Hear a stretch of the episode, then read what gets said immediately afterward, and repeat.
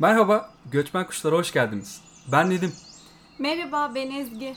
Bu podcast'te Türkiye'den yurt dışına göç etmiş insanlarla sohbet edip onların deneyimleri hakkında fikir sahibi olmaya çalışıyoruz. Göçmen Kuşların bu bölümünde konuğumuz Ada Mutlu Türk. Ada bizim üniversiteden arkadaşımız ve kendisi üniversiteyi bitirdikten sonra yurt dışında yaşamaya başladı. Bugün de onun Türkiye'den yurt dışına göç etme hikayesini konuşacağız. Hoş geldin Ada. Hoş geldin. Hoş buldum. Nasılsın, iyi misin? İyiyim. Sizler nasılsınız? Bizler de iyiyiz. Biz de iyiyiz. Heyecanlıyım ee, ben biraz. Uzun süredir Ben de çok heyecanlıyım. Ee, hem de size teşekkür etmek istiyorum. Ee, beni davet ettiğiniz için podcastinize. Biz de Biz teşekkür, teşekkür ederiz geldiğin için. Güzel evet. olacak. Bakalım neler öğreneceğiz. Okey o zaman Türkiye'deki hayatınla başlayalım. Ne yapıyordun? Nerede yaşıyordun? Üniversiteyi hı hı. nerede okudun? Ne okudun? Kaç yaşına kadar Türkiye'deydin? Çalıştın mı? Tabii. Geçimini nasıl sağlıyordun? İzmir doğumluyum. Sadece ilk öğretim kısmını Manisa'da okudum. Ailemin işi dolayısıyla Manisa'ya taşınmıştık. Liseyi ve üniversiteyi İzmir'de devam ettim. Ee, Yaşar Üniversitesi Psikoloji Bölümü mezunuyum. Ayrıca Anadolu Üniversitesi'nden Halkla İlişkiler ve Reklamcılık bölümü de okudum. Açık üniversite olarak. Üniversite sona kadar Türkiye'deydim. Daha sonra öncelikle bir Amerika serüvenim oldu. Work and Travel'a gitmiştim. Daha sonra da Madrid maceram başladı. Onun öncesinde e, tabii ki de geçim kaynağım öncelikle ailem destekliyordu. Ama aslında e, okulda da voleybolcuydum. Ayrıca profesyonel olarak da bir kulübün sporcusuydum. Yani asıl geçim kaynağım sporculuktan. Sen aslında birazcık bahsettin öncesinde bir Amerika, sonrasında Madrid'e gitme serüvenin olduğundan ama yurt dışına gitmeye ilk nasıl karar verdin? Ee, ve bu Amerika macerandan da biraz bahsetmeni isteriz. Sonrasında da Madrid'e gidişin nasıl gerçekleşti? Ben küçüklükten beri gezen bir ailenin çocuğuyum. Bir ailenin tek çocuğuyum bu arada. Hem ailem de gezmeyi seviyordu ve hem Türkiye içi hem de yurt dışına birçok yere aslında küçüklükten beri gitmeye başladım. Babam özellikle benim yurt dışını görmemi çok istiyordu ve annem de daha sonrasında hep destek oldu. Yurt dışına küçük turlarla öncelikle gitmiştim ve e, gerçekten çok heyecanlıydı benim için yeni ülkeler görmek. İngilizcem çok yüksek seviyede değildi o sıralar, lisedeydim ve hem iletişim çok rahat kuramıyordum ama hem konuşmak istiyordum, daha çok öğrenmek istiyordum. Bir de gittiğim şehirler gerçekten kültürleriyle beni çok etkiliyordu. E, o zamanlar başlamıştı aslında merakım yurt dışına. Ama tabii ki benim için birazcık ulaşılmaz gözüküyordu. Hem bu vize problemlerimiz hem de hep bir uzak duruyordu bana orası. Hani gidemem diye düşünüyordum küçüklükten beri. Ee, tabii ki bilgisizliğimden dolayıydı bu. Hani nasıl gideceğimi, neler yapabileceğimi henüz bilemiyordum lisedeyken. Öncelikle bu şekilde başladı. Daha sonra üniversitedeyken Erasmus'a gitmek çok istiyordum. Çünkü birçok arkadaşım gitmişti. E, ben de Erasmus sınavına katıldım. Kazandım da ama okulda spor bursu okuyordum. O yüzden e, Erasmus'a gitmemi istemedi takımım. Çünkü buradaki görevimi yerine getirmeyecektim ve bursum kesilebilirdi. Bu yüzden Erasmus'a gidemedim. Ve gerçekten çok üzülmüştüm bu konuda. Onun haricinde Avrupa Gönüllülük Projeleri tarzında projeler var. Ee, okulumuz da yapıyordu bu tarz şeyler ve onlara başvuruyordum. Bir aylık projeler, iki aylık projeler, bazıları bir yıllık, bazıları altı aylık. Sürekli başvuruyordum ama e, kabul alamadım. Çok yakın bir arkadaşım bu şekilde Portekiz'e gitmişti. Onu da gördüğümde daha çok istiyordum gitmek. Hem hani ben de bu tarz bir deneyim sahibi olmak istiyordum. Ama olmadı. En sonunda Amerika'ya gitmek istedim Work and Travel programıyla ailem de bunu desteklediler. Aslında birazcık korkuyordum hep. E, bu ilk defa olacaktı benim için tek başına yurt dışına gideceğim. Daha öncesinde hep ailemle gitmiştim. Ama bir cesaretle yola çıktım. Delaware'e gittim. Beş ay boyunca e, oradaydım. Hem çalışıyordum hem de işte Work and Travel üç ay çalışma izni veriyor. Üç ya da dört ay. Bir ayında da gezme süren oluyor Amerika'da ve ondan sonra geri dönüyorsun. O şekilde ben de yazı geçirdim orada ve çok güzel bir deneyimdi. Hem İngilizce mi geliştirdim o sayede hem de e, yurt dışında yapabilir miyimi aslında E, o zaman görmeye başladım. Ne kadar yeterliyim? Kendi başımın çaresine bakabiliyor muyum? Benim için çok güzel bir tecrübeydi Amerika. Çok da zordu. Çünkü ailemden çok uzaktaydım. E, aslında ailem orada kalmamı istemişti. Ama çok uzak olduğu için gözüm yemedi gerçekten orada kalmayı, orada çalışmayı. Ama geri döndüm. Work and Travel'da ne yapıyordun? Work and Travel'da e, GES şirketinde satış elemanıydım. Çok şanslıydım. Büyük bir şirket beni işe kabul etti. Çok kötü bir İngilizcem vardı ama İngilizcenin gelişmesi için orada satış işleri yapmanı öneriyorlar ki daha çok e, müşteriyle iletişimde olasın ve İngilizceni geliştiresin diye. E, orada satış yapıyordum. Tişört, kot, o tarz şeyler.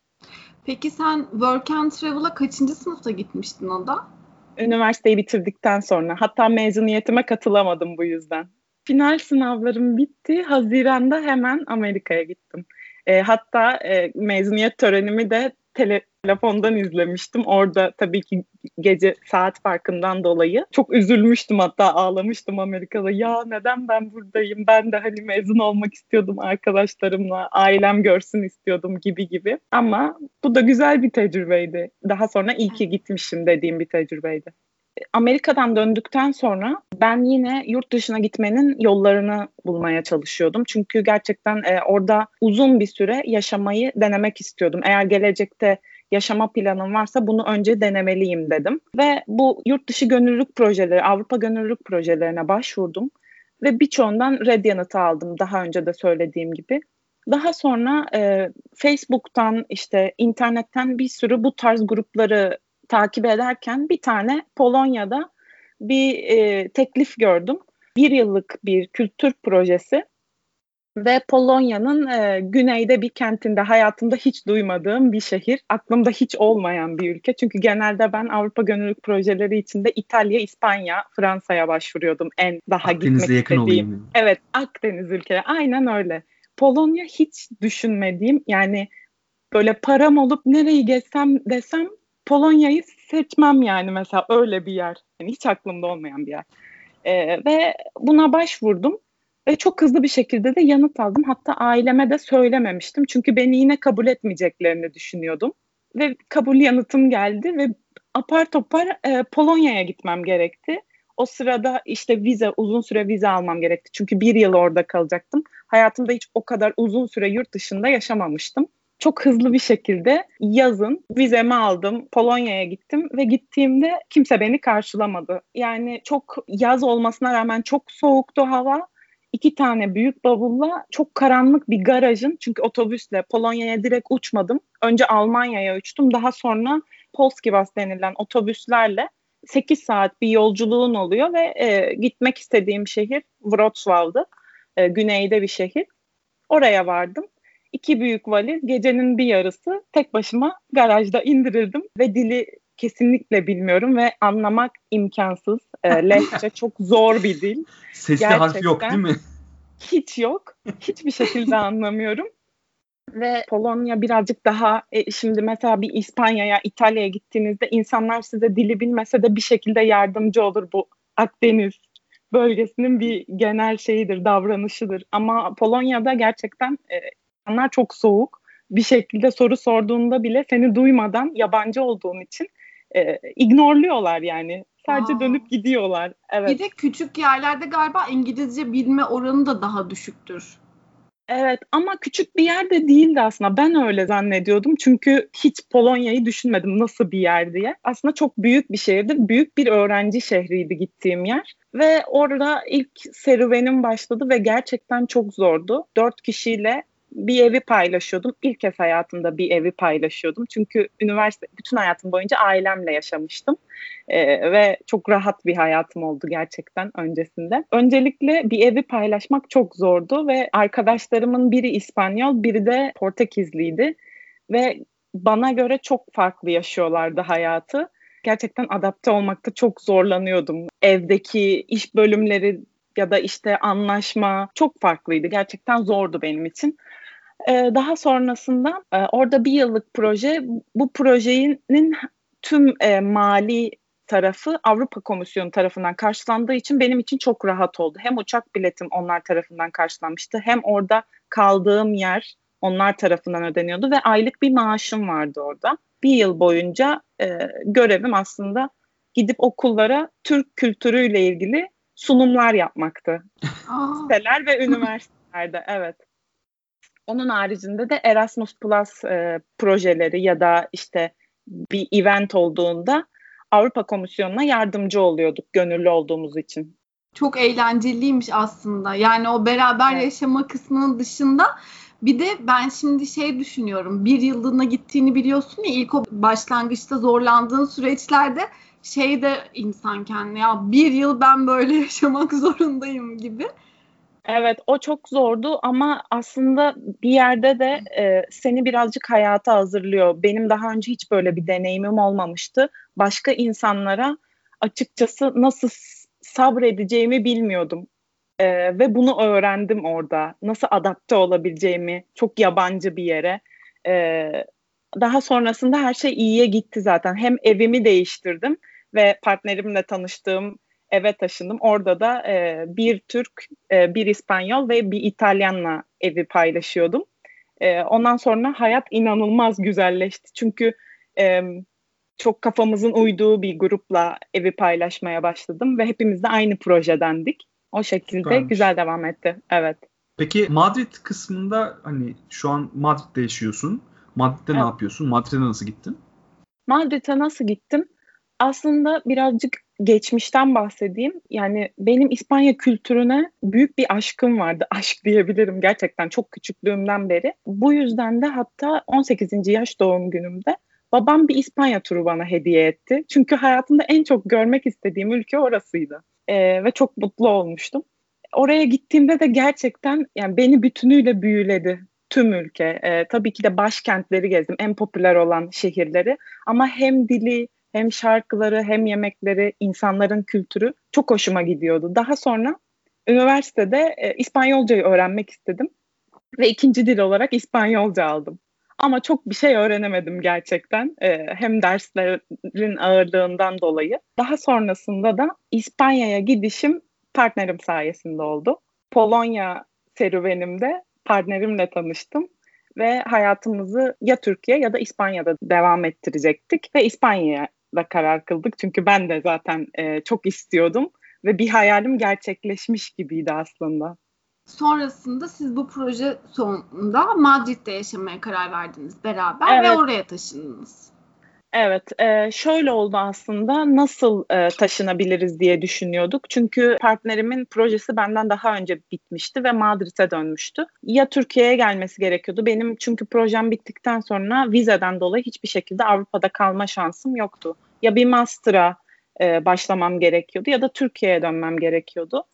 Daha sonra erkek arkadaşım bir yol buldu. İspanya'da resmi partnerlik gibi bir vize var. Eğer partner olduğunu kanıtlarsan İspanya devletine, vatandaşı olan kişinin partnerine yabancıysa Avrupa dışı bir ülkedense vize veriyor. 5 yıllık oturum ve çalışma izni veriyor ve sağlık hakkı veriyor. Yani aslında oy verme hariç tüm e, haklara sahipsin orada. Ben de bu vizeye başvurdum.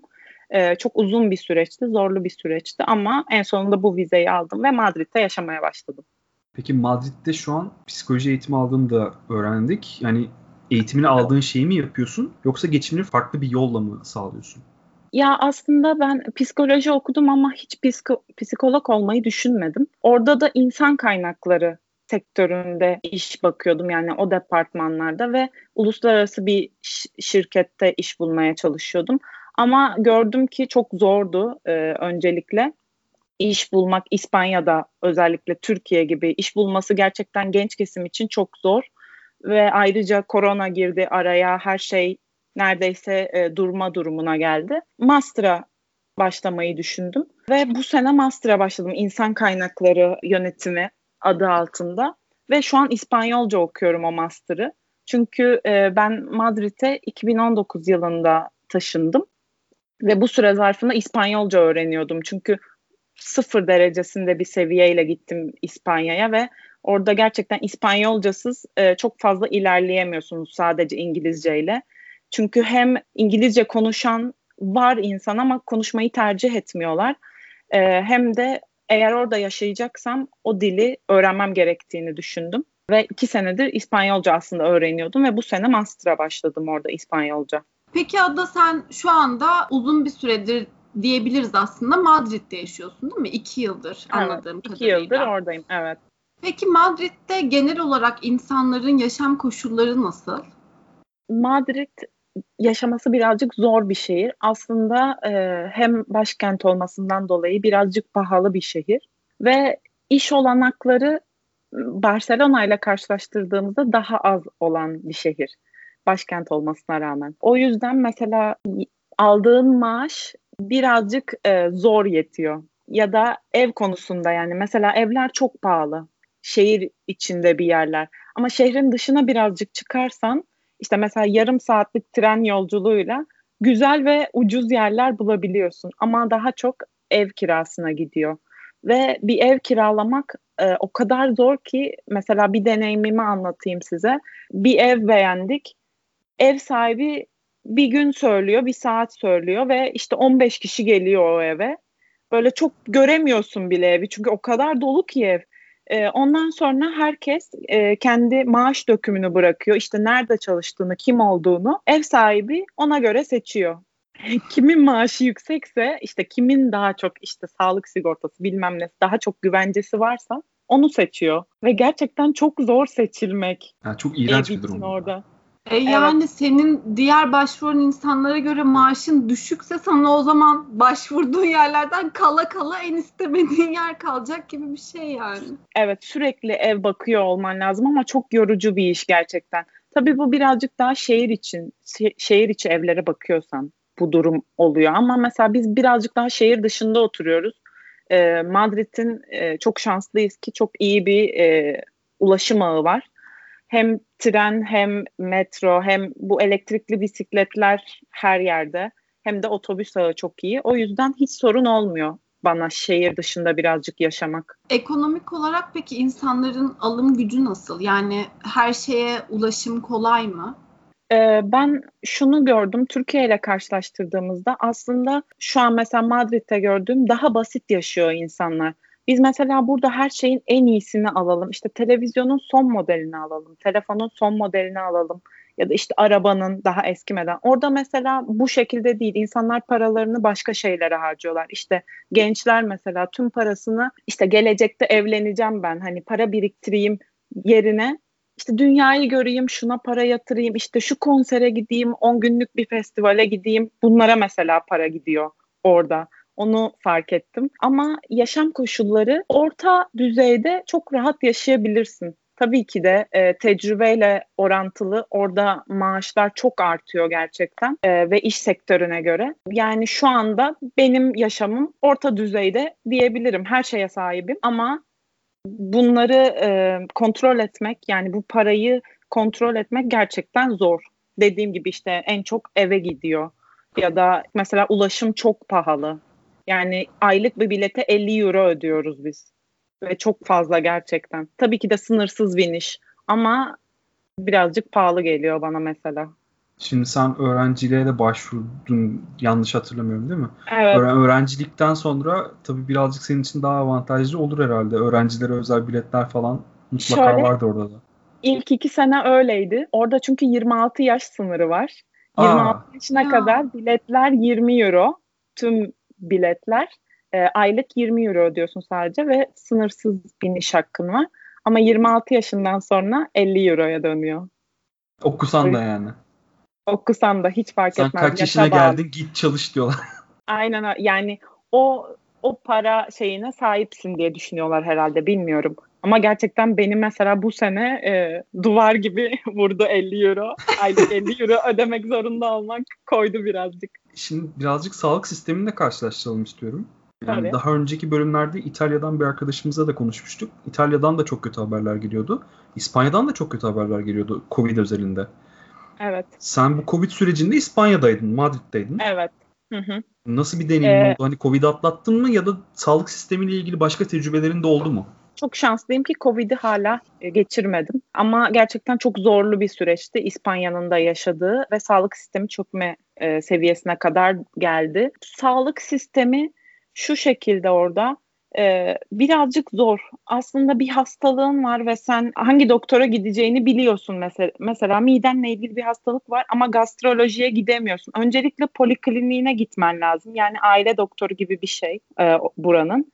Öncelikle onun seni büyük hastaneye yönlendirmesi lazım. O gerek görmüyorsa sana bir ilaç yazıyor ve sen sadece birinci basamaktan geri evine dönüyorsun. Yani genel hastaneye gitmek öncelikle aile hekimliğinden geçiyor mesela orada. Ama ücretsiz bu güzelliği var.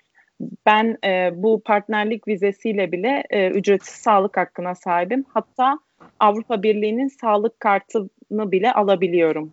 Yani öyle hmm. bir olanak da sunuyorlar. Hiçbir para ödememe gerek yok mesela. Peki aşı oldunuz mu? Ben hala olmadım. Yani e, şu anda 50 yaş grubu oluyor İspanya'da aşı. Bütün yaşlılar oldu, e, bütün sağlık çalışanları oldu. E, ama orada da aşılama süreci gerçekten yavaş işliyor gördüğüm kadarıyla. Ve gençlere ne zaman sıra gelir gerçekten hiçbir fikrim yok. Bu konuşmayı da Mayıs 2021 tarihinde yaptığımızı söyleyelim. Akdeniz yani ülkeleri genel gerçekten, olarak gerçekten demek ki. Evet. Şöyle bir sıkıntı var. Gerçekten aşı da bitiyor. Aşı gelmiyor. Orada da bir aşılama e, hızı vardı aslında ilk başladığında. Yaşlılara hemen e, bir aşılama oldu ama şu anda mesela e, öğretmenler oluyor. işte 50 yaş grubu oluyor ama hala 40 yaşlara inemediler mesela. Hemen hemen aynı gibi aslında. Evet. Yani hmm. sistemsel olarak. Yani böyle işte kendini öne atmış e, daha iyi durumda olan birkaç ülke var. Onun dışında evet. dünyanın evet. geri kalanı yani bir de bildiği belki duymuşsunuzdur. Mesela AstraZeneca bir süre durduruldu aşılanması. Yani evet. aslında İspanya'da mesela bir sürü insan hatta biri de partnerimin ablası sağlık sektöründe çalışıyor. Öncelikle AstraZeneca vuruldu ve ikinci aşısını olamadı çünkü e, durduruldu aşılanma. Yani böyle vakalar da var şu anda ve gittikçe e, zaman artıyor tabii ki. E, aşılanma süresi artıyor. Evet. Ya yeni bir şey olduğu için muhtemelen işte her ülke aynı sıkıntıları yaşıyor gibi bir durumda evet. kaldık yani. Ama sağlık sistemi olarak senin söylediğin bizim şu ana kadar konuştuklarımız için de yine en iyisi. Yani en azından e, gidip bir muayene olabiliyorsun. Buna evet. erişemeyen arkadaşlarımız da vardı yani konuştuklarımız yani arasında. Refah seviyesi daha yukarıda olan ülkelerden evet. bahsediyoruz tabii bu arada aslında. İspanya'nın evet. ekonomik durumu da çok iyi durumda değil çünkü bildiğim kadarıyla değil mi? Evet kesinlikle değil. Ama orada da mesela bu tarz şeyler gerçekten yavaş işliyor. Yani şu dezavantajı var. E, sağlık sektörü ücretsiz ama bir e, rezervasyon yaptırıyorsun bir doktora. E, yani bir ay sonraya veriyor ya da iki ay sonraya veriyor. E, bazen bir test oluyorsun, bir MR çekiliyor, onun sonucu çok geç çıkıyor. Yani bunlar mesela aslında çok iyi bir seviyede olmadığını da gösteriyor. Peki Ada onun dışında senin Türkiye ile İspanya arasında gördüğün farklar neler? Çünkü yine bir Akdeniz ülkesi olmamıza rağmen e, kültürel olarak çok farklı ilk ülkede yaşadın, deneyimledin. Bize bu farklarla ilgili de birazcık bilgi verir misin? Tabii. Aslında e, öncelikle şunu söyleyebilirim. E, İspanya gitmeden önce bana daha farklı geliyordu aslında tanımadan önce ama şu anda tanıdıkça Türkiye ile birçok benzerliğini görmeye başladım. Mesela bürokrasi anlamında işte sağlık sektöründe yani her şey çok yavaş işliyor. inanılmaz yavaş. Ama onun haricinde e, şöyle de farkları var. Hiçbir şeyi bir tanıdığınla halledemiyorsun orada. Birini tanısan bile e, o sıranın sonundaysan o sırayı beklemek zorundasın. Bu mesela güzel bir şey. Ben kendi vize dönemimde e, yani vize alma sürecimde bunu yaşadım. Poliste bir tanıdığımız vardı ama hiçbir şekilde yardım etmiyorlar ya da hiçbir şekilde senin dosyanı öne almıyorlar. Hiç sadece sen e, sıran buysa bunu beklemek zorundasın. Bir ay mı bekleyeceksin, beş ay mı bekleyeceksin? Benim problemim değil diyor. O yüzden e, bu mesela büyük bir fark e, bizim ülkemizde çok farklı işliyor bu konu çünkü. Onun haricinde kültürel olarak çok farklı değiller ama evet birazcık bir Avrupa havası alıyorum. Birazcık e, mesela aile konusunda atıyorum partnerimin ailesini gördüğümde evet bize göre birazcık daha soğuklar. Birazcık daha evet artık sen e, büyüdün. Her koyun kendi bacağından asılır mentalitesi çok hakim bence orada. E, ve bu anormal de değil. Bize anormal geliyor sadece. E, bunu ilk gittiğimde mesela ya nasıl böyle bir şey olabilir? İşte nasıl yardım etmezler? Ya da işte nasıl böyle bir düşünebilirler dedi, dediğimde mesela zamanla bunun ya bu da onların normali gibi görmeye başladım mesela. Onun haricinde e, şöyle benim gitme sebebim aslında İspanya'ya tabii ki de e, kişisel e, kişisel e, zevkim. Yani aslında seviyorum İspanya kültürünü. İnsanlara saygı, yaşama saygı. Orada gerçekten önemli şeyler. E, kadın hakları, insan hakları ya da bir canlı hakkı, hayvanlar da dahil.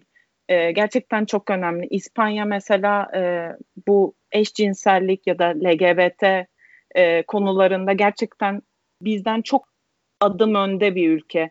Ve benim gerçekten hoşuma gidiyor. Bunlar benim ülkemde görmediğim şeyler ve hatta ben de bilgilenmeye başlıyorum bu konularda. Yani e, oraya gittiğimden beri benim de e, aslında Türkiye'de böyle bir e, toplum baskısı ne kadar biz farklı düşünsek de biz de o toplum baskısıyla yaşıyoruz bir yerde. Ama oraya gittiğimde kendimi daha özgür hissediyorum. Ne giydiğim, nasıl konuştuğum, nasıl davrandığım önemli değil. Çünkü bir şekilde yargılanmıyorum orada. Ama burada e, ailen bile seni bazen yargılayabiliyor bu şeylerden dolayı. E, mesela bu büyük bir fark benim için. Ve hayattan zevk alabileceğin küçük zamanlar var orada. Mesela burada kendi ailemden de gördüğüm gibi sabahtan yatana kadar çalışıyorlar. Ama orada mesela cuma günleri yarım günden daha az çalışıyorsun ve hafta sonu neredeyse üç buçuk gün gibi, iki buçuk gün gibi pardon, senin sosyal yaşantına zaman kalıyor. Ya da işler mesela dörtte, beşte bittikten sonra senin sosyal yaşantına bir bira içmeye, bir arkadaşlarına işten sonra görüşmeye vaktin ve paran da oluyor ayrıca buna. Ve bunlar gerçekten hayatta seni mutlu eden şeyler bir yerde. Aslında gençler özelinde de bahsetmiştin. İleride ben evleneceğim deyip para biriktirmiyorlar. İşte dünyayı göreyim, şunu yapayım, bunu yapayım. Hani böyle hayata evet. bakışları da gençler özelinde de aslında çok farklı değil mi? Evet, kesinlikle. Yani burada hep biz bizim yaş grubumuz özellikle çok fazla ekonomik problem yaşadığı için ülke olarak hep bir para geliyor biriktireyim yani şu anda harcamayayım modundayız. Ama orada mesela onların öyle bir problemi yok. Onlar daha çok ya bu benim hayatım bir kez yaşayacağım ve ben bunu şunu harcayarak yapmak istiyorum. Mesela genelde böyle tabii ki de bizim gibi yaşayan insanlar da vardır orada ama benim genel olarak çevremde gördüğüm gerçekten çok özgür yaşıyorlar. Yani 10 yıl sonrasının ya da 5 yıl sonrasında ne yapacağını düşünmeden yaşıyorlar. Aslında düşünmek zorunda değiller. Evet. Belki evet. Çünkü önemli. ulaşabiliyor. Yani evet. mesela vize evet. problemi yok. O yüzden evet. bir yere ya da işte bir konsere gitmek istediğinde kendi ülkesi dışında bir konsere gitmek istediğinde onun tek yapması gereken aslında birazcık para biriktirmek. Evet. Ama bizim Mesela yapmamız onu... gereken çok şey var aynı konsere gidebilmek için yani. Evet, aynen öyle. Yani mesela benim partnerimin düşündüğü e, eğer tek olsaydı şu anda ben İspanya'da değil de işte başka bir şehirde Danimarka'da yaşardım diyor. Çünkü gidebiliyor oraya. Orada çalışırdım birazcık. Sonra başka yere taşınırdım. Hani mesela benim mantalitem şöyle. Eğer bir yerde başlarsam bunu kaybetmemek için e, o yerde devam etmem gerekir. Çok fazla büyük değişiklikler yapamam. Çünkü Türkiye'den geliyorum. Türk kafasıyla geliyorum. Ama onun kafası çok farklı. Aa ben Türkiye'ye de taşınırım. Yani sen eğer mesela aileni çok özlüyorsan tamam Türkiye'ye taşınalım diyor mesela. Ya da işte tamam Almanya'yı mı istiyorsun? Oraya taşınalım. Ya da işte ben istediğin yere gelebilirim kafasında. Hani e, çok rahat bu konuda. Çünkü ben her yerde iş bulabilirim rahatlığı var onda mesela. Ama ben e, hala o rahatlıkta değilim. Bizde şey var. Sahip olduğuna sıkı sıkı tutun ve asla bırakma Aynen çünkü. öyle. Yarın ne olacağı belli değil. Kesinlikle. çok acı aslında ya. E, maalesef öyle. E, çok ve onlar mesela e, bir seçim oluyor. Daha e, geçen gün Madrid için e, belediye için seçimler vardı mesela ve bir politika konuşuyorlar ama maksimum bir hafta konuşuyorlar. Ya da günlük haberleri takip ediyorlar ama bizim nesil gibi böyle e, ben mesela Twitter'a girdiğimde Madrid'de de olsam ya da işte gündüz haberleri izlemesem de her gün gerçekten böyle çok depresif bir şekilde çıkıyorum Twitter'dan. Çünkü hem takip etmek istemiyorum bir yandan üzülmemek için ama bir yandan da kendimi durduramıyorum. Yani kayıtsız kalamıyorum bir şey demeden ya da işte bir şeyleri okumadan. Evet. Ama onlarda öyle bir şey yok. Yani eğer biri bir şey yapmışsa daha apolitikler o konuda. O zaman bu kadar Madrid'i de İspanya'yı da övmüşken yaşadığın yerin sevmediğin özelliklerine gelelim. Hani İspanyollar hakkında belki Madrid özelinde ya da Madrid'de yaşayan İspanyollar hakkında belki sevmediğin şeyler de vardır. Bunlardan bize biraz bahsedebilir misin? Tabii ki. Ya en sevmediğim özelliği tabii ki İspanyolca öğrenmeye başladıktan sonra bu İspanyolcayı pratiğe dökmek istiyorsun ve günlük hayatında her zaman İspanyolca konuşmayı tercih ediyorum İngilizce söylemektense. Ama birçok İspanyol bazen iletişime açık değil. Yani bir yabancının tabii ki de ben de farklı bir aksanla söylüyorumdur. Türk aksanıyla İspanyolca konuşuyorum sonuçta. Ama beni anlamıyorlar mesela ve hem anlamayıp hem de birazcık yerici bir şekilde konuşuyorlar ya da davranıyorlar. Bu mesela sevmediğim bir özelliği.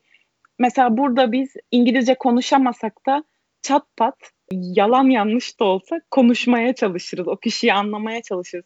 Ama orada gördüğüm e, bir masa bir kafede ilk yıl, yılımda mesela bir şey bir kahve istiyorum ve anlamadıklarını söylüyorlar ve gerçekten bazen kabaca davranıyorlar. Ben seni anlamıyorum diyor mesela. Ne demek istediğini anlamıyorum. İşte ne istiyorsun diyor. Ya da işte birazcık sabırsız davranışlar sergiliyor. Bu mesela kötü hissettiriyor insanı. Çünkü e, benim düşüncem şu an ben senin dilini konuşmaya çalışıyorum bir yabancı olarak. Hani aslında senin birazcık anlamaya çalışman lazım beni. Hani ben mükemmel değilimdir muhtemelen konuşurken ama bu, bu konuda mesela benim sorun yaşamışlığım var. Ya da ikinci gördüğüm şey e, insanların birazcık daha soğuk olması mesela. Yaşadığım yerin sevmediğim özelliği sadece işte insanların bazen kaba davranması dil konusunda e, ve yardıma açık olmamaları. Bir de genelde bürokrasi işlerinde e, hiçbir şekilde yine dil konusunda yardımcı olmamaları. Her şeyin yavaş işlemesi bir yana benim bütün bu belge süreçlerimin hiçbirinde İngilizce konuşacak hiçbir insan bulamadım yabancılar ofisinde ve bu yabancılar ofisi adı üstünde. O kötü mesela. Ya biz bunu şu ana kadar bu beşinci kişisini konuştuğumuz herkes bize aynı şeyi söyledi ve bana gerçekten çok acayip geliyor. Çünkü Türkiye'de hakikaten böyle çat pat Türkçe konuşmaya çalışan bir yabancı gelse yoldaki herhangi bir insan ona yardım etmek için elinden geleni yapar. Evet. Yani bu bürokrasi işlerinde de mesela hadi hiçbir yerde tanıdığın yok diyelim yine sen yabancı olduğun için bence hani evet. bizim böyle bir sempatimiz oluyor sanki ülkemizdeki yabancılara karşı. Bir tek İngiltere'de galiba hani yabancı dilde işte konuşanlara falan hani bu kadar soğuk bakmıyorlar ya da işte İngilizceyi iyi konuşamasan da yardımcı olmaya çalışıyor. İngiltere dışında duymadık değil Evet mi? duymadık. Hep aynı yani problem. Belki de aslında zorluk da çıkarmak istiyor olabilirler. Ben kaç kere oradaki polisin ne dediğini anlamadığım için kaç kere elim boş eve döndüm mesela. E, bir İspanyola gittiğimde aslında bir iki dakikada çözülecek bir şey olduğunu gördüm bunun. Çok fazla zaman kaybına sebep oluyor bu tabii ki. Aslında ben bir de şeyi de sormak istiyorum sana. Hani kafede mesela sipariş vereceğim. İspanyol garson seni anlamıyor, anlamadığını evet. söylüyor. Bu evet. gerçekten hani senin telaffuzunla ilgili anlamadığı için yoksa anlamamazlıktan geliyorum, anlamıyorum bu? Yani e, sanırım senin gerçekten e, düzgün konuşmanı bekliyor. Eğer oradaysan. Ya bu birazcık bazen de e, şimdi rasizme girmeyi düşünmüyorum ama e, normalde eğer farklı konuşuyorsan ve İspanya'da da şu anda mesela e, çok fazla sağ bir kesim var ve her ülkede olduğu gibi aynı düşüncelere sahip e, ve yabancıları istemiyorlar ülkelerinde. Sokakta birçok kez biz mesela partnerimle İngilizce konuşurken şunu duyduk. Bazı yaşlı insanlar e, şey diyor. İşte bu yabancılar geliyor da bizim işlerimizi alıyorlar. İşte ülkemizde ev alıyorlar, oturuyorlar. Mesela bu mentalite de var yani. Ve bunu duymak gerçekten e, sıkıntı. Ama şaşırtmıyor beni. Çünkü bu her yerde olan bir evet. şey. Sadece duymak üzücü. Ya ırkçılık demişken bu arada hiç karşılaştığın bir ırkçılık oldu mu bariz şekilde? Benim olmadı. Ee, yani ben ten rengim dolayısıyla da onlara çok benziyorum gerçekten. ee, İz, İspanyol'a ama evet daha koyu insanların ırkçılığa uğradığını gördüm. Çünkü oraya çok fazla Fas'tan insan gidiyor güneyden Afrika'dan. Evet. İspanya'ya geçiş çok kolay ve çok fazla daha koyu tenli e, insanlar var ve evet ırkçılığa uğradıklarını da gördüm. Yani aslında hani Granada, Cordoba falan bunlar zaten o adamların şehirleri değil mi? Evet öyle. Hatta oraya gittiğinde çok fazla e, İslam'dan, Müslümanlıktan çok fazla şey görebiliyorsun, evet. aşina olabiliyorsun. E, ama dediğim gibi bir mentalite var ve bunu siz de bizim ülkemizden çok iyi biliyorsunuz. Ötekileştirme her yerde var. Bu evet. dünyanın her yerinde var. Evet, yani aşırı sağcılar dünyanın her yerinde var maalesef. Evet, Yapacak bir şey yok. Evet. Yani. Aynen öyle ve kendi insanına da yapıyor bunu ayrıca. Sırf yabancıya değil yani. Onu İspany- da gördüm. Yani İspanyola evet. İngilizce konuşuyorsun diye. Ada şimdi sen üniversitenin sonuna kadar ailenle yaşamıştın ama sonrasında yurt dışına tek başına gitme deneyimlerin oldu. Yine de şu an e, tamamıyla hani uzun süredir yurt dışında tek başına yaşadığını varsayarsak ailenden ayrı. Bu Türkiye'den yurt dışına gitme sürecinde manevi olarak yaşadığın zorluklar nelerdi? Manevi olarak gerçekten büyük bir üzüntü oluyor benim için. Çünkü ben bir ailenin bir çocuğuyum ve annem babam ayrı. Yani ikisiyle de aslında Türkiye'ye geldiğimde ayrı ayrı uzun vakit geçirmem gerekiyor. Ve tabii ki de kısıtlı bir süre için geliyorum Türkiye'ye. Ve yurt dışında olduğumda e, aklım her zaman burada oluyor. E, hem ikisi ayrı olduğu için hem de çok iyi ilişkim var ikisiyle de arkadaş gibiyim hem annemle hem babamla. Koronadan önce onların da yeşil pasaportu var. Çok büyük bir şansımız bu bizim. Beni çok rahatlıkla ziyaret edebiliyorlar aslında ama korona sürecinden beri gerçekten hem benim kendimi yalnız hissettiğim çok dönem oldu hem de onların beni özleyip gerçekten yalnız hissettikleri bir dönem oldu. Yani sonuç olarak evet beni gerçekten e, duygusal olarak çok etkiliyor. Özellikle bu koronadan dolayı orada yalnız hissettiğim dönemlerde aileme gerçekten bazen çok ihtiyaç duyuyorum ve her zaman her dakika gelip görememek onları da gerçekten zor. Aslında 4 saatlik bir yol İspanya ile Türkiye arası. Ama yine de bazen gerçekten çok fazla e, ha deyince onların yanında olamamak gerçekten zor bir durum. Covid özelinde baktığımızda biz aynı şehirde bile yaşasak hani sevdiklerimizle çok uzun süre görüşemediğimiz zamanlar oldu ama senin ailenin yine yeşil pasaportu olması bence mükemmel bir olanak yani. Evet hem de gezmeyi seviyorlar zaten o yüzden hani e, ilk ilk iki sene gelip beni görebiliyorlardı ama ya bu sene hiç gelemediler hiçbir şekilde. Birazcık zor oluyor. Ben gelmeye çalışıyorum sıklıkla. O zaman bu Covid bittikten sonra beraber bol bol yurt dışı tatilleriniz olsun diye güzel bir dilek dileyim ben sizin için.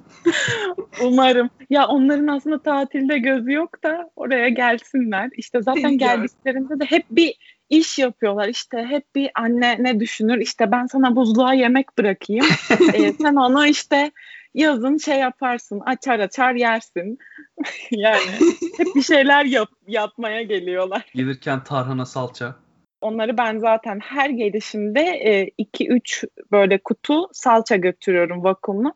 Zaten partnerim de işte Alvaro söyleyeyim ismini de. E, Alvaro salça manyağı. E, biber salçasını çok seviyor. Yani sürekli ona bir biber salçası götürmem gereken tek istediği şey bu tarhana da zaten götürüyoruz ama onun haricinde e, özellikle çay götürüyorum ben. Çünkü Avrupa çaylarını gerçekten hiç beğenmiyorum. Yani tatları gerçekten çok kötü. O yüzden buradan böyle kutu kutu çay alıyorum.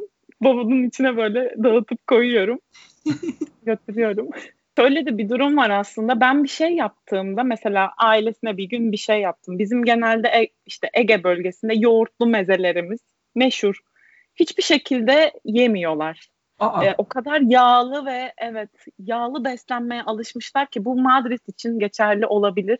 Şimdi Madrid birazcık daha böyle e, Ankara gibi düşünebiliriz. Evet, Yemekler içeride. daha kalorili, daha evet yağlı e, ve çok da değiş damak tadının değişimine alışkın değiller. Bazen denemeye bile açık değiller. Ben de aslında İspanya'nın mesela en düşündüğümüz tapasları işte bu küçük meze tarzı şeyleri çok güzel. Ben de seviyorum. Ama mesela diğer asıl sulu yemeklerini yiyemiyorum mesela. Bana çok ağır geliyor. Çok fazla gluten alerjisi olan var bu arada İspanya'da. Yani benim tanıştıklarım arasında hiç buklarını görmemiştim. Hiçbir şey yiyemiyorlar benim yaptığım. Yani süt ürünlerine alerjisi olan var. Yoğurt bir şekilde e, hiç yenmiyor orada. Ve ben de e, fellik fellik yoğurt arıyorum kendime. Çünkü çok seviyorum yoğurdu. Sadece bu Greek yoğurt denen sulu yoğurt hmm. var orada hmm. ve Şekerli gibi onu da ben evet ve hiç güzel değil. Peki Ada Türkiye'de yaşamanın en çok neyini özlüyorsun? Türkiye ile ilgili en çok hasretlik çektiğin şey ne? Öncelikle yemekleri. ee, Aileni gerçekten... karşına aldın bu arada şu an. Yok yok aile ayrı. Tabii ki de ailem. Ee, ama ailem beni gelip görebildiği sürece bir problem yok. Yani e, aslında Türkiye'ye bağlı hissetmiyorum kendimi. Yani Türkiye'siz yaşayamam. Tabii ki de e, İzmir'e gelmeyi, İzmir'de yaşamayı çok seviyorum ama yer beni bağlamıyor artık. Çünkü çok fazla deneyimim oldu yurt dışında ve hepsini sevdim. E, ve aslında böyle birazcık daha sizin podcast'inizin ismi gibi göçebe olmayı da aslında seviyorum. Bana hep yolda olmayı hatırlatıyor. Ya geziyor olmak ya da işte başka ülkeye taşınıp yine yeni bir şeyler görmek, yeni bir şey öğrenmek, başka hayaller kurmak. O yüzden Türkiye'de sadece yemek ve ailem diyebilirim. Onun haricinde insanların yakınlığını özlüyorum. Arkadaşlarımı özlüyorum. Ama onun haricinde başka bir şeyi özlüyorum diyemem. Senin aidiyet hissin aslında hani yaşadığın her yere böyle dağılmış gibi. Bence güzel bir şey bu. Evet. Yani dünya insanı olma açısından evet. baktığımızda evet. Evet bazen bazı durumlar oluyor işte aileni çok özlediğin. Tabii ki de o zamanlar kafamda ya acaba yanlış mı yapıyorum onlarla vaktimden mi çalıyorum diyorum ama bir tarafta da benim heyecanlı olduğum bir şey bu. Yurt dışında yaşamak işte şu anda İspanya mesela konu ama İspanyolca öğrenmek işte kültürü öğrenmek ama daha sonra belki başka bir ülke olacak bu. Onun öncesinde Polonya vardı mesela. Hiç tahmin etmediğim bir ülke ve şu an çok seviyorum Polonya'yı. Her şeyini. Tekrar mesela geri dönmek isterim oraya. Bu tarz şeyler aslında kendimi daha çok tanımama da yol açtı. Daha iyi tanımama. Çünkü Türkiye'de çok fazla bu özgürlüğümüz yok. Kendini çok fazla keşfedemiyorsun ama dışarıda kendini keşfetme olasılığın çok daha büyük hem maddi imkanın var hem de zamanın var bunu yapacak ve Tabii. sana o saygıyı duyuyorlar hani kendine vakit ayırabilmen için sana mutlaka evet. bir zaman veriyor. Evet kesinlikle. Yani mesela konuştuk bunları ama sadece düşündüğün canın sıkkınsa hafta sonu arabaya atlayıp başka bir ülkeye geçebiliyorsun. Çünkü bu özgürlüğün var. İki gün orada vakit geçiriyorsun sonra geri dönüyorsun evine. Adı aslında söyledin İspanya'ya benim merakım vardı diye öncesinde ama sen yine de oraya taşınmadan gitmeden önce aklında İspanya ile ilgili bir ön yargın var mıydı? Yani bu ön yargılarını boşa çıkaran ya da böyle haklı çıkaran bir şeyler yaşadın mı? Sadece İspanya değil, İspanyollarla da ilgili. İspanya'yı Türkiye'deyken düşündüğümüzde çok farklı geliyor. Bana da öyleydi. Ama oraya gittiğimde mesela Franco dediğin insanı çok güzel bir dağın Madrid'e yakın bir yerinde büyük bir manastır yapılmış ve o adamın mezarını oraya koymuşlar. Çok görkemli bir yer. Ama aslında adam nasıl bir adam biliyorsun. Evet. Ee, bir diktatör. Yani bunu gördüğümde çok şaşırmıştım ve oraya insanlar böyle mezarı öpüyor işte yani çok yani böyle altın varaklı falan. Hacı Baba türbesi. Neredeyse her şey. Evet kesinlikle öyle ve bu hiç beklemediğim bir şeydi benim İspanya'dan mesela ve çok şaşırmıştım. Nasıl böyle bir şey olabilir? Bu adama böyle bir muamele yapılabilir. E, güzel tarafları da var ama gittiğinde görüp öğrendiğin de hayal kırıklığına uğradığın tarafları da var. Ama bu her yer için geçerli. E, sonuç olarak İspanya'dan mutluyum. Benim birçok beklentimi karşılıyor hala dezavantajları olsa da. Ya ön yargım şu vardı, dil konusunda vardı. O da şöyle bir deneyimim oldu. Polonya'da e, birçok İspanyol arkadaşım oldu ve genelde İspanyollar İspanya haricinde bir yerdeyse yine aynı şekilde kalma eğilimi gösteriyorlar. Yani hep İspanyollarla takılma eğilimi gösteriyorlar. İngilizce konuşmayı tercih etmiyorlar çok fazla. Bu konuda bir ön yargım vardı ve İspanya gittiğimde de evet bu bunun gerçek olduğunu gördüm. İspanyolca genelde konuşmayı tercih ediyorlar ya da çekiniyorlar ya da kendilerine güvenemiyorlar İngilizce konuşurken. Yani gerçekleşti diyebiliriz ön yargım birazcık. Bunun dışında bir şey yok muydu? Yoktu. Hani Akdeniz ülkesi kesin bizim tembeldirler falan böyle. Ya şöyle tembeldirler konusunda şimdi Yunanistan'ı gördükten sonra İspanyollara bir şey diyemiyorum. ee, o yüzden e, yok ya tembel değiller bence. Yani orada da çünkü ekonomi kötü ve bir hız olması gerekiyor. Yani onlar da kendilerini kurtarmaya çalışıyorlar. Çünkü Avrupa Birliği onlara çok fazla destek sağlıyor. Yani Yunanistan, İtalya, İspanya bu ülkeler zaten çok fazla destek alan ülkeler ekonomik olarak. O desteği kaybetmemek için de çalışmaları gerekiyor. Şimdi sen orada tabii hiç İspanyolca bilmeden gittiğini söyledin. İspanyolca öğrenme sürecinden de aslında küçücük bahsetmiştin. Dil okuluna mı gittin? Nasıl İspanyolca öğrendin? Yoksa hani yaşayarak, deneyimleyerek mi öğrenmeyi tercih ettin? Öncelikle zaten gittiğimde hiç çalışma imkanım yoktu. Çalışma iznim olmadığı için. O yüzden bir dil okuluna gittim. Dil okulunda sıfırdan başladım her şeye ve o şekilde geliştirdim. Ama tabii ki de sosyal çevrem olmadığı için pratik yaparken sadece erkek arkadaşımla, onun ailesiyle ya da onun arkadaşlarıyla geliştirmeye çalışıyordum. Ama tabii ki yani çok gelişemiyorsun çünkü ailesi şöyle konuşmuyor. Karşındaki bir yabancı İspanyolca yeni öğrenen biri ona uygun mesela birazcık daha kolay kelimeler seçeyim ya da kolay tensler seçeyim de beni daha rahat anlasın. Böyle bir mantık yok. Yani bodozlama ve hiçbir şekilde böyle boş ekran olarak bakıyordum onların yüzüne bazen hani hiç anlamıyordum. Hatta e, bir anım şöyle anlatabilirim. Erkek arkadaşımın annesiyle genelde ilk yılımda şehri gezmek için hem dolaşıyordum hem de işte onunla İspanyolcamı geliştirmek için konuşmaya çalışıyordum. Buluşma saati ve yeri ayarladık. Ben ayarladığımı düşündüm. Bir kelimeyi ya da bir günü yanlış yazmışım ve e, doğal olarak buluşamadık. Ben işte ağaç gibi bekledim şehrin ortasında. Aslında aradığımda kadın işte pijamalarla evde oturuyormuş. Hani yani bu benim salaklığımdan kaynaklanıyor ama evet dille ilgili bu tarz hatalar olabiliyor. Aslında ben de sana şeyi soracaktım hani İspanyolca ile ilgili yaşadığın ilginç bir deneyim var mı diye. Ben sormadan sen söylemiş oldun. Çok da güzel evet, bir cevap oldu aslında soruma. evet bu denebilir. Onun haricinde çok büyük bir anım yok gerçekten. Çünkü e, hem yani sosyal hayatım da çok olamadı dediğim gibi. Zaten bir buçuk yıldır evdeyiz. Onun öncesinde de bir yıl işte zaten daha dili öğreniyordum. Pek bir şey yapamıyordum. Bir de şehri geziyordum, öğreniyordum ya da işte ülkede başka yerlere gidip görüyordum. Kültürü daha çok öğrenmeye çalışıyordum. O yüzden. Sen şu anda İspanyolca rahat bir şekilde konuşabiliyorsun yani değil mi Ada?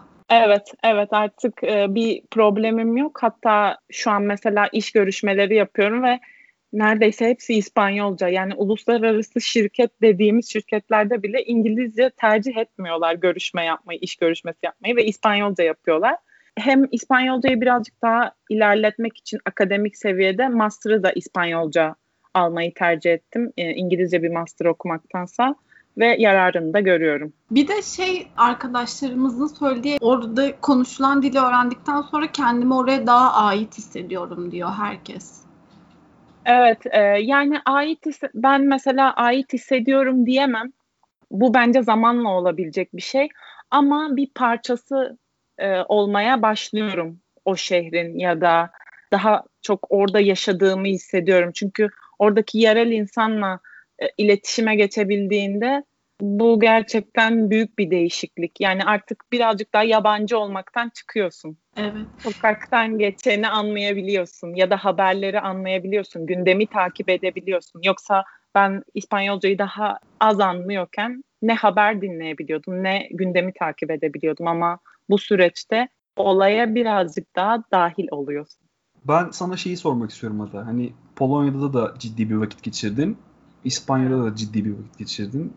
Her ne kadar Covid sebebiyle çok da hani belki tam anlamıyla o İspanya'yı yaşayamamış olmana rağmen geçirdiğin süre aslında hiç az değil. Polonya'dan ya da İspanya'dan bundan sonra dünyanın neresine taşınırsan taşın beraberinde götüreceğin kültürel bir öge var mı? Ya da yani şöyle söyleyeyim ben artık bunu çok benimsedim. Artık kendi benliğime kattım. Nereye gidersem gideyim benimle birlikte olacak bu dediğim bir şeyler var mı?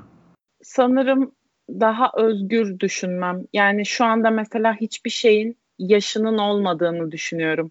Ee, Türkiye'de böyle düşünmüyordum. Yani bu en basitinden işte evlilik olabilir, master okumak olabilir, bir iş sahibi olmak olabilir ya da herhangi bir şey. Şu anda hiçbir şeyin yaşı olmadığını, her şeyin bir zamanı olduğunu ve bu zamanın tercihinin benim elimde olduğunu düşünüyorum.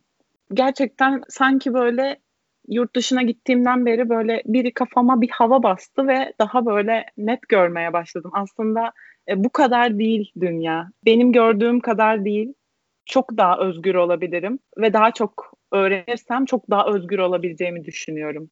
Mesela İspanyolca öğrendiğimden beri tabii ki de Netflix'te çok fazla İspanyol dizisi var ama mesela şu an Güney Amerika haberlerini veya dizilerini anlayabiliyorum.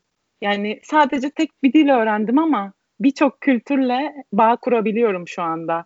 Benzer kültürler olsa da ama bu bana gerçekten büyük bir avantaj sağladı. Ve bir gün oralara gidip oradaki farklı ülkenin insanlarıyla bu ortak dili konuşup daha farklı şeyler öğren öğrenmeyi planlıyorum. Bunları yaşayarak görmenin hayatına katkısı çok büyük diye düşünüyorum. Sen de zaten deneyimlerini burada bizimle paylaşıyorsun. Peki gelecekte Türkiye'ye dönme planın var mı? Türkiye'ye dönme planım kısa gelecekte yok. Yani buraya çok fazla seyahat ediyorum şu anda ailemi görmek için. Ama her geldiğimde e, daha çok üzülerek dönüyorum. Her geldiğimde çok büyük değişimler görüyorum kademe kademe ve hiç iyiye değişim olmuyor bunlar. Ve beni üzüyor gerçekten böyle görmek ülkemi. E, ama orada hayatımı ve hayat standartlarımı hep bir kademe üstüne taşıyabildiğimi görüyorum ve bunun daha çok potansiyeli olduğunu görüyorum. O yüzden şu anda geri dönmeyi düşünmüyorum. Aslında bir yandan da daha çok yolum olduğunu düşünüyorum o tarafta. Belki oradan başka yerlere taşınma planınız olabilir gibi algıladım ben podcast boyunca konuştuklarımızdan ama. Neden olmasın? Evet. Çünkü yani ikimiz de hem erkek arkadaşım hem ben de gerçekten çok seviyoruz yeni kültürler görmeyi ve gezmeyi, öğrenmeyi, hatta onların yemeklerini tatmayı. O yüzden bu bambaşka bir yerde olabilir. Dünyanın diğer ucu işte Japonya, Kore, Çin bu da olabilir. Sadece Avrupa ile de kalabilir. Onu biz seçeceğiz ama bu güzel bir özgürlük şu an buna sahip olmak ve kendimi gerçekten çok şanslı hissediyorum. Evet isteyen herkes umarım bu özgürlüğe bir gün erişebilir diyorum ben de o zaman. umarım. Ada peki yurt dışına taşınmak isteyenlere ne tavsiye edersin? Hani iki farklı ülkeyi deneyimledin sonuçta. Hı hı. Mesela İspanya'ya gideceklere ya da Polonya aslında Türkiye'deki üniversite öğrencileri için gözde bir tercihtir Erasmus bakımından. Evet, evet. Hem fiyat olarak birazcık daha uygun. Orada zloty geçiyor Euro'dansa. Ya şunu diyebilirim. Yurt dışın hayali bence denenmesi gereken bir şey. Önceden de söylediğim gibi. Çünkü sen şu anda işte ben yurt dışına gitmek istiyorum diyorsun ama bazen bazı kişilik özelliklerin ya da görüyorsun ki aslında e, o tarz bir yaşama uygun değilsin ya da yetemiyorsun kendine. Yani bunu deneyimlemeleri gerekiyor. Önce küçük çapta işte Erasmus'a gidip ya da işte bu gönüllülük projeleri ya da work and travel bu tarz şeyleri deneyip kendilerini bir görüp daha sonra büyük adımlar atmalarını tavsiye ederim ben. Yani ufaktan başlayın. Kısa süreli evet. olsun. Bir anda kendinizi Tabii okyanusa bu atmayın. benim bu benim kişisel görüşüm evet. Ama bazıları okyanusa atlamaktan hoşlanır ve bu da ayrıca güzel bir şey. Teşekkürler güzel cevapların için. Evet, güzel de bir tavsiye oldu. Çok güzel şeyler öğrendik. Ben de İspanya ile ilgili daha önce yani çok fazla böyle bilgi okuyup bir araştırmam olmamıştı. Senden öğrenmiş oldum. Benim için de çok güzel oldu. Biz çok teşekkür ederiz Ada katıldığın için. Çok Bizimle deneyimlerini paylaştığın için iyi ki buradaydın. Ben teşekkür ederim beni çağırdığınız için. O zaman görüşmek üzere. Hoşçakalın. Hoşçakalın. Hoşçakalın.